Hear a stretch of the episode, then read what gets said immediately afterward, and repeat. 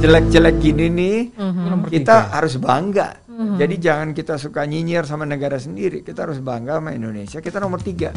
Jadi BBI ini adalah bentuk keberpihakan kita kepada produk-produk milik anak bangsa. Baju ini ini adalah baju eh, besutan anak bangsa. Sendal yang saya pakai ini sendal. Asik. Namanya mereknya sih Karel Sangkoni. Saya tanya Karel itu apa? Karya anak remaja Lamongan. Oh, Asik. Pak Sungkono, lo kok Sungkono jadi Sangkoni? Ya supaya keren. Saya Pak Jokowi. Pak Jokowi itu kan dari atas ke bawah udah lokal semua. Mhm. Padahal dia itu kan merupakan figur internasional, Mhm. Hmm. tapi dia berkearifan lokal dan sangat siap go global. Walaupun tidak milenial, tapi tetap tampil optimal dan maksimal. Jadi menurut saya, Kayak pantun ya. Ditata atau enggak sih tadi bahasanya? enggak itu mengalir aja. Mengalir aja ya? itu mengalir itu. Gue bingung siapa tahu itu itu dari satu podcaster dari satu podcaster ke podcaster berikutnya. Itu ada rimanya kan.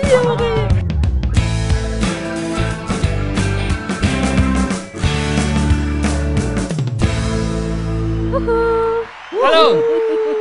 Selamat datang kembali di podcast antara di Cerita dari Selatan. Masih bersama saya Afud dan juga Drosela di hati kali ini ada yang berbeda lagi nih Food Pasti karena beda. kita selalu ada yang berbeda dong kita tidak lagi mendatangkan bintang tamu tapi kita mendatangi bintang, Bintang tamu. ya. tamu. Jadi Jadi Tapi sekarang sekarang sekarang beda. Beda. Bintang tamunya mas-mas. Mas, Mas, abang-abang. Tapi hati-hati mas-mas yang ini. Iya. Kalau salah lama-lama. sedikit lu nggak bisa wisata Oh, iya. setahun kayaknya. Aku bisa di Bennett. Baik, selamat datang Pak Sandiaga Uno Thank you di guys sudah podcast datang. antara aku Asik. kasih tepuk tangan dulu. Oke, biar rame ya. Iya. Ada nggak yang kuak kuak? Oh, ada, Pak. Wah, tapi nanti saya siapin lah.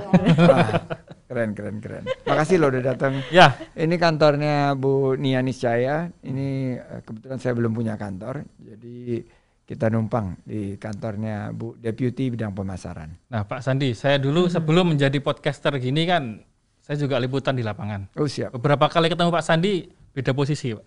Wah, beda posisi. Nah, Kayaknya kali posisinya beda-beda ya, Ah, Pak? Selalu naik terus. Naik atau naik terus. turun terus?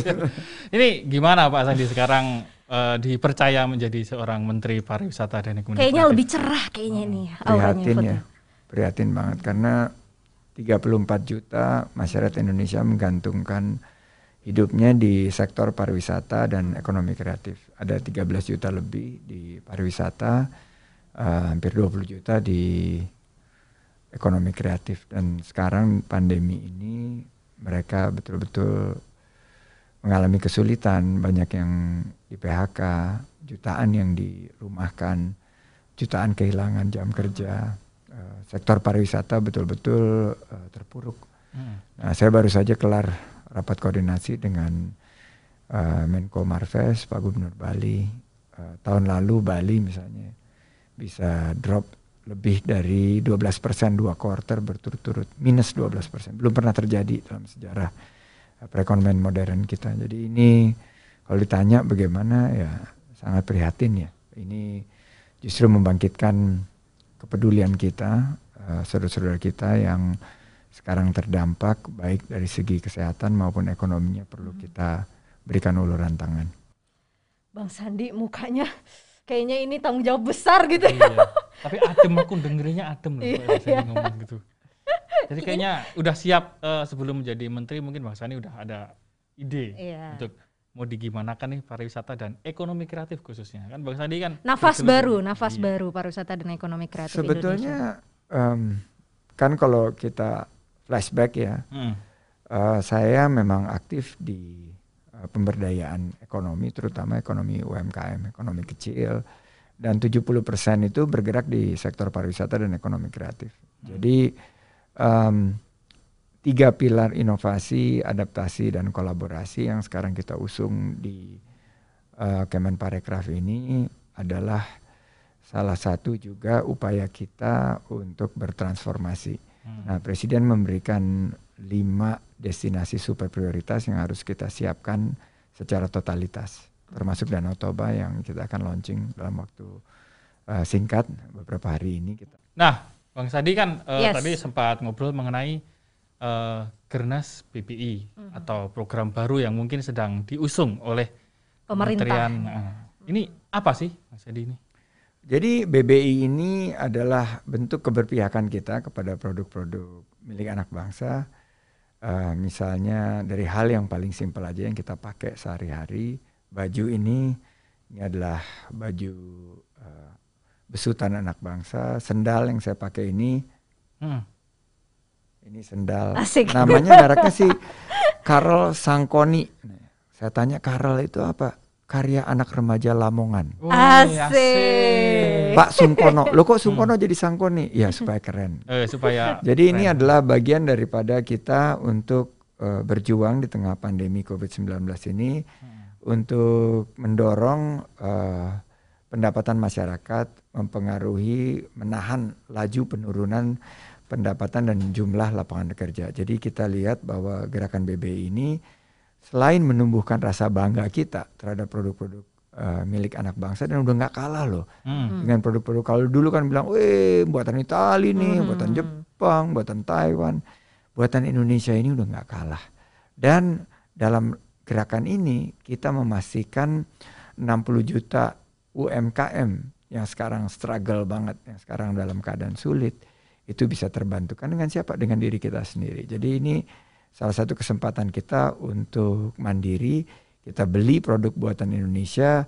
UMKM ini memberikan kontribusi 60% daripada PDB kita dan 97 persen 97 persen lapangan kerja itu dari UMKM. Nah, bangga buatan Indonesia itu itu rohnya. Kita ingin uh, kita bertahan di tengah pandemi, kita buka lapangan kerja seluas-luasnya. Dari siapa? Dari kita. Kalau bukan kita, siapa lagi? lagi? Kalau bukan sekarang, Kapan lagi? lagi? Kapan lagi? Nah, untung aku nyambung. Berat loh ini iya. tugasnya Bang Sandi. Tapi kalau produk-produk UKM sendiri strateginya apa nih Bang Sandi untuk uh-huh. kita mungkin ya selain membantu perekonomian kan juga uh, pasti akan produk-produk lokal ini agar lebih terangkat gitu. Iya. Tiga permasalahan klasik. Satu adalah akses pemasaran. Jadi bangga buatan Indonesia ini adalah meningkatkan uh, akses pasar. Jadi secara agregat uh, sisi permintaan kita kita akan tingkatkan karena kalau kita lihat uh, kegemaran kita sama produk-produk impor ini udah -huh. terlalu lama gitu loh. Dan terutama ya emak-emak termasuk emak-emak muda ini mama. itu uh, gimana kita ajak ubah mindsetnya supaya juga menggemari produk-produk dalam negeri. Dalam keseharian kita lihat kaca aja setiap hari apa yang kita pakai kita makan kita lakukan itu selalu harus ada produk-produk buatan Indonesia. Kedua, akses terhadap uh, eh, SDM. UMKM ini kadang-kadang uh, bisa uh, membuat satu dua produk, tapi begitu dapat order yang banyak, mereka nggak bisa mempertahankan kualitas. Jadi itu kita perlu pelatihan, pendampingan, juga uh, sistem manajemen yang profesional, pelaporan keuangan dan terakhir, akses permodalan. Hmm. Ini harus kita bantu karena kita ingin UMKM ini bisa naik kelas dari usaha mikro menjadi usaha kecil, kecil menjadi menengah. Pada satu titik kita harapkan dia menjadi usaha besar dan membuka lapangan kerja seluas-luasnya. Tapi, Tapi kalau kok bareng ya? Oh ya kita kompak nih. kalau, Feeling so good. Iya. kan ada ekonomi kreatif dan pariwisata nih kan iya, dulu. Iya. Nah, ini cara mengawinkannya gimana nih, Bang? Agar kalau ekonomi kreatif sama pariwisata ini bersanding banget hmm. dan setiap kita berwisata apa sih? Oleh, Pertama iya. to see, hmm. kedua to do. Itu semua UMKM. To do itu uh, perjalanan uh, agen wisatanya pasti akan uh, terhubung di situ. Itu rata-rata UMKM hampir 90% daripada biro perjalanan wisata itu UMKM. Terus uh, to experience. Kita bagaimana merasakan. Uh, terus setelah itu to eat apa yang kita makan itu produk UMKM juga. Kalau kita berwisata juga to buy apa yang kita buy produk-produk oleh-olehnya mungkin fashion, pendapatan kriya dan lain sebagainya. Dan terakhirnya to repeat dan kita harus ulang siklus itu itu semua perannya UMKM dan pariwisata uh, ekonomi kreatif dalam bingkai gerakan nasional bangga buatan Indonesia ini bisa mendorong akhirnya kepada gerakan bangga berwisata di Indonesia atau hashtag di Indonesia aja. Jadi saya lihat siklus ekonomi lokal bisa berputar lebih cepat karena UMKM kita ini terlibat. Kalau UMKM ini ketinggalan, nggak akan mungkin lokomotif dan gerbong ekonomi Indonesia ini jalan. Kita ciptakan industri-industri baru, ada 17 subsektor ekonomi kreatif, dan ini akan mendorong pertumbuhan ekonomi. Dalam uh, pandangan saya, bringing back tourism is bringing back the economy. Memulihkan kembali sektor ekonomi kreatif adalah menciptakan lapangan kerja untuk memastikan kita keluar dari pandemi. Kita harus jadi pahlawan nih. Iya. Pembela produk kreatif Benar. lokal. Kan kalau bukan kita siapa lagi? Asik. Kapan lagi? Tapi gimana sih Bang Sandi kalau ngelihat tren anak muda zaman sekarang ini eh, mencintai nggak sih produk lokal? Sudah mulai ya, sudah mulai anak-anak muda sudah mulai eh keren loh gitu pakai barang-barang buatan lokal dan saya endorse banyak sekali dan semenjak di kementerian eh, karena waktu juga sangat terbatas saya tetap masih mengendorse tapi saya ngelihat bahwa anak-anak muda ini perlu dikasih inspirasi. Jadi para pemimpinnya harus to lead by giving example. To lead is to give example. Jadi kita beri contoh bahwa pemimpin-pemimpin misalnya Pak Jokowi. Pak Jokowi itu kan dari atas ke bawah udah lokal semua. Padahal dia itu kan merupakan figur internasional. Hmm. Tapi dia berkearifan lokal dan sangat siap go global. Walaupun tidak milenial, tapi tetap tampil optimal dan maksimal. Jadi menurut saya Kayak pantun ya. Ditata atau enggak sih tadi bahasanya? enggak itu mengalir aja. Mengalir aja ya? itu mengalir itu. Gue bingung siapa tahu itu itu dari satu podcaster dari satu podcaster ke podcaster berikutnya. Itu ada rimanya kan. Ah, ah, ah. Susah udah ahli belajar. ya. Iya. Jadi- Kita berharap abis ini ada ada viewers yang Jadi peran milenial UMKM terutama para pengusaha pemula ini terus didorong dan saya minta teman-teman antara news tetap dorong Siap. Eh, bangga eh, buatan Indonesia dan juga bangga berwisata di Indonesia dan anak-anak muda harus menjadi pemain jangan jadi penonton kita harus jadi tuan rumah di negeri sendiri Nah tuh, jadi anak-anak muda tuh yang posting-posting di Iya. medsos, jangan barang-barang dari luar terus, Nah. kayak misalnya produk kreatif Toba gitu kan Iya. keren-keren ya Bang Oh, Sandi ya. keren Iya, banget. keren Jadi- banget. Warnanya juga catchy gitu Karena ya. tadi sudah disebutkan kan, sepertinya kita akan melihat produk-produk dan wisata lokal itu dari arah barat Indonesia, ya Sumatera Utara. Nah, Toba. salah satunya kan eh, ada program di Gernas BBI itu ada Danau Toba. Beli Ya. kreatif Danau Toba. Jadi em, BBI ini kita kerucutkan menjadi BKL, beli kreatif lokal. Nah karena kita ada lima destinasi super prioritas, ada Danau Toba, ada Borobudur, Mandalika, Labuan Bajo dan Likupang. Eh, yang pertama kita garap ini adalah yang paling barat yaitu Danau Toba.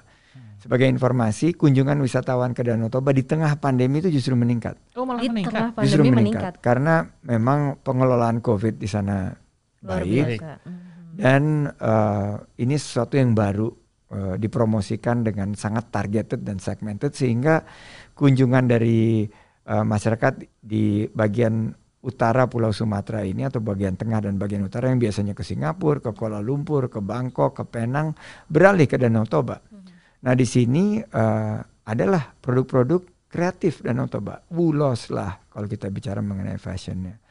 Kalau kita bicara mengenai em, makanannya ada ombus-ombus, ada ikan mas, arsik, eh, kita lihat mie gomak, roti ganda dan lain sebagainya. Ini yang kita dorong bahwa Danau Toba ini sebagai warisan leluhur eh, apa warisan ini kan kalau kita lihat the largest super, Super volcano eruption, eruption iya. ya.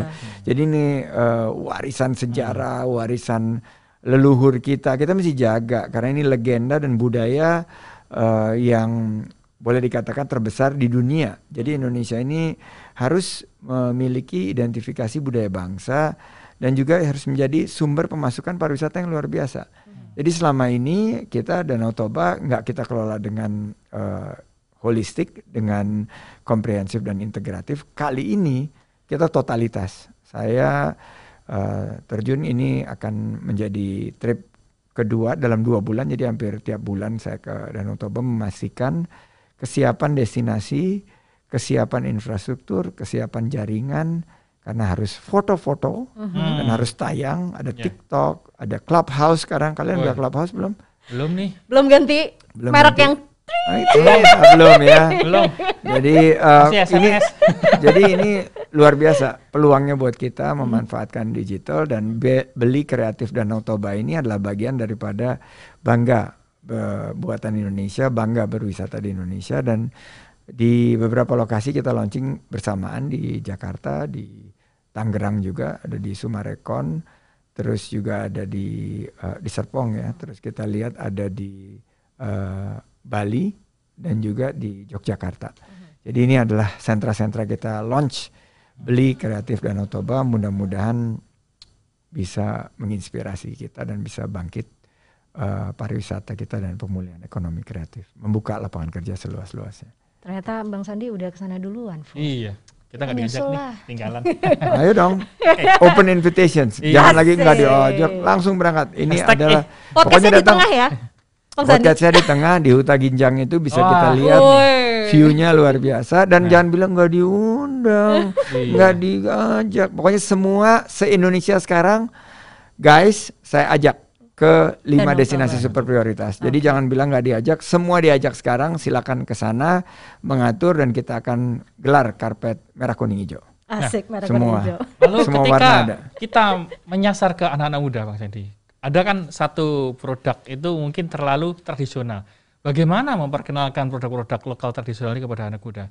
Buat- Nah, untuk menjawab itu Bang Sandy, akan dijawab di segmen selanjutnya. Oh.